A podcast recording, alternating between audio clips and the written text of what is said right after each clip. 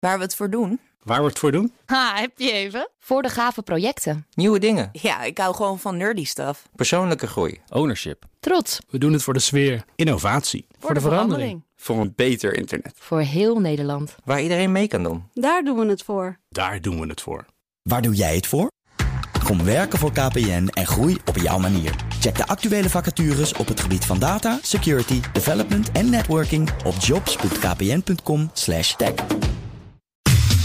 Wetenschap vandaag. Ja, hij bedacht het woord oerknal. Hij bracht de Russen tot bedaren aan de ruimtevaartonderhandelingstafel. En hij ontnam Pluto de titel van planeet. Over wie heb ik het nou? Nou, de nestor van de Nederlandse sterrenkunde. Kees de Jager. Hij is vandaag 100 jaar geworden. En Carlijn Meinders, onze wetenschapsredacteur, die staat eh, stil bij zijn werk vandaag. Goedemiddag, Carlijn. Hi. 100, 100 is hij. Nou, dat eh, is mooi. Voor een wetenschapper ook mooi, denk ik. Ja, wat een leeftijd en wat een leven ook. Kees de Jager heeft echt gigantisch veel betekend voor de Nederlandse sterrenkunde. We horen straks ook nog even hoe dit eigenlijk is voor zijn zoon, Jan de Jager. Maar eerst een, een kleine greep uit wat er in die 100 jaar nou allemaal is gebeurd. 100 jaar geleden. Toen werd hij geboren neem ik aan. op Ja. Dat weet ik dan. Op Texel werd hij geboren. Eh, hij woonde een tijd eh, later nog in het toenmalig Nederlands-Indië. Was eh, jong geïnteresseerd in sterrenkunde. Werd uiteindelijk als jonge man naar Utrecht gestuurd om natuurkunde te studeren. Zegt hij in een mooi interview in de laatste editie van New Scientist.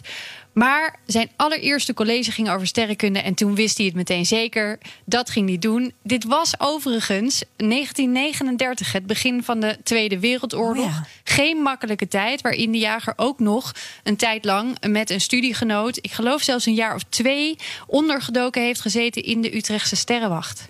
Ondergedoken. En, en, Ja. en echt jaren. Dus wat deed hij daar dan? Studeren. Eh, zo haalde hij eh, zijn tentamens, eh cum laude afgestudeerd, mocht bij de Sterrenwacht blijven werken na de oorlog, kreeg ook een betaalde klus aangeboden bij een theoretisch natuurkundige.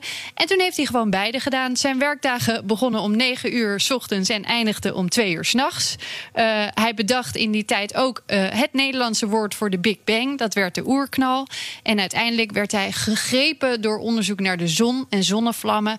Sleepte in die tijd ook een NASA-opdracht binnen voor het maken van een ruimteinstrument, een röntgendetector, die in 1980 op een satelliet werd gelanceerd en waarmee belangrijke ontdekkingen werden gedaan Ja. weer eh, rondom die zonnevlammen. Ja, en hij is dus nooit meer weer gestopt met eh, zon kijken en sterren kijken. Nou, op een gegeven moment was hij wel een beetje klaar met de zon. Is hij gaan kijken naar reuzensterren die wel 600 tot 1000 keer zo groot zijn als de zon. Hij richtte ook nog het Laboratorium voor Ruimteonderzoek op, de voorloper van ESRON. Hij werd ook heel vaak gevraagd om mee te denken, bijvoorbeeld eh, of Pluto wel een planeet mocht heten. Nee, was zijn antwoord. Eh, hij schreef boeken, gaf colleges, presentaties en ging in 1986, toen ik een jaar eh, of één was, met pensioen. Wauw. Maar je raadt het al, hij kon niet stilzitten. Hij keerde uiteindelijk terug naar Texel, daar woont hij nu nog. En eh, mocht daar nog heel lang onderzoek doen voor het NIOS. Ja, en jij hebt zijn zoon gesproken, zei je net Ja. al. Wat, wat ver- ver- vertelde hij over hem? Ja, zijn zoon Jan de Jager is zelf een geoloog. Hij herinnert zich van vroeger vooral dat zijn vader altijd bezig was. En dat hij zowel heel nieuwsgierig als heel sceptisch was. Hij kan zich ook nog goed de uitspraak herinneren die zijn vader regelmatig herhaalde. Niet zo zeker en zelfs dat niet. Ja, dat, dat tekent hem wel- een beetje, geloof ik. Is duidelijk een echte vragensteller. Ja, precies. En dat heeft hij ook in de omgang met mensen, eh, vertelde Jan. Hij gaat met iedereen in gesprek eh, en is oprecht geïnteresseerd in iedereen waarmee hij praat. Hij was ook een diplomaat. Hij werd vaak gevraagd, ik zei het al, om mee te denken. Was betrokken bij heel veel internationale organisaties en speelde daar vaak een hele belangrijke rol. Bijvoorbeeld in, in de tijd van de Koude Oorlog nog. Een van zijn astronomische jaarlijkse congressen moest, zou in, eigenlijk in Israël moeten gaan plaatsvinden. Maar de Russen die hadden daar problemen mee. Want Rusland en Israël, dat ging niet goed. En de Russen zouden daar niet kunnen komen. En om zo'n om zo'n congres te laten plaatsvinden zonder aanwezigheid van de Russen, wat toch wel een heel belangrijke factor is in de astronomische wereld, dat, dat, dat, dat was niet een, een volwaardig congres. Dus daar heeft hij geweldig moeten praten. En hij heeft veel reizen gemaakt heen en weer naar Moskou en dan weer naar, naar Israël. En uiteindelijk is het hem gelukt. Dus hij is duidelijk een man van de wereld. Ik kan me ook voorstellen dat hij misschien niet zo vaak thuis was. Ja, um, nou, uh, Jan zei zelf, ik heb dat niet zo ervaren dat, het, dat hij bijvoorbeeld er niet was. Hij, hij kwam thuis in ieder geval heel relaxed over. Hij had altijd wel tijd uh, voor je, ook als hij aan het werk was. En hij was er ook goed in alles van zich afzetten. Er komt nou plotseling weer een herinnering boven. Tot hij, uh, hij moest nog wel eens met de trein reizen, ook in Nederland. En hij was ook heel vaak in het buitenland. Maar hij vertelde ook van, als hij dan in de trein zat, dan deed hij altijd even een tukkie.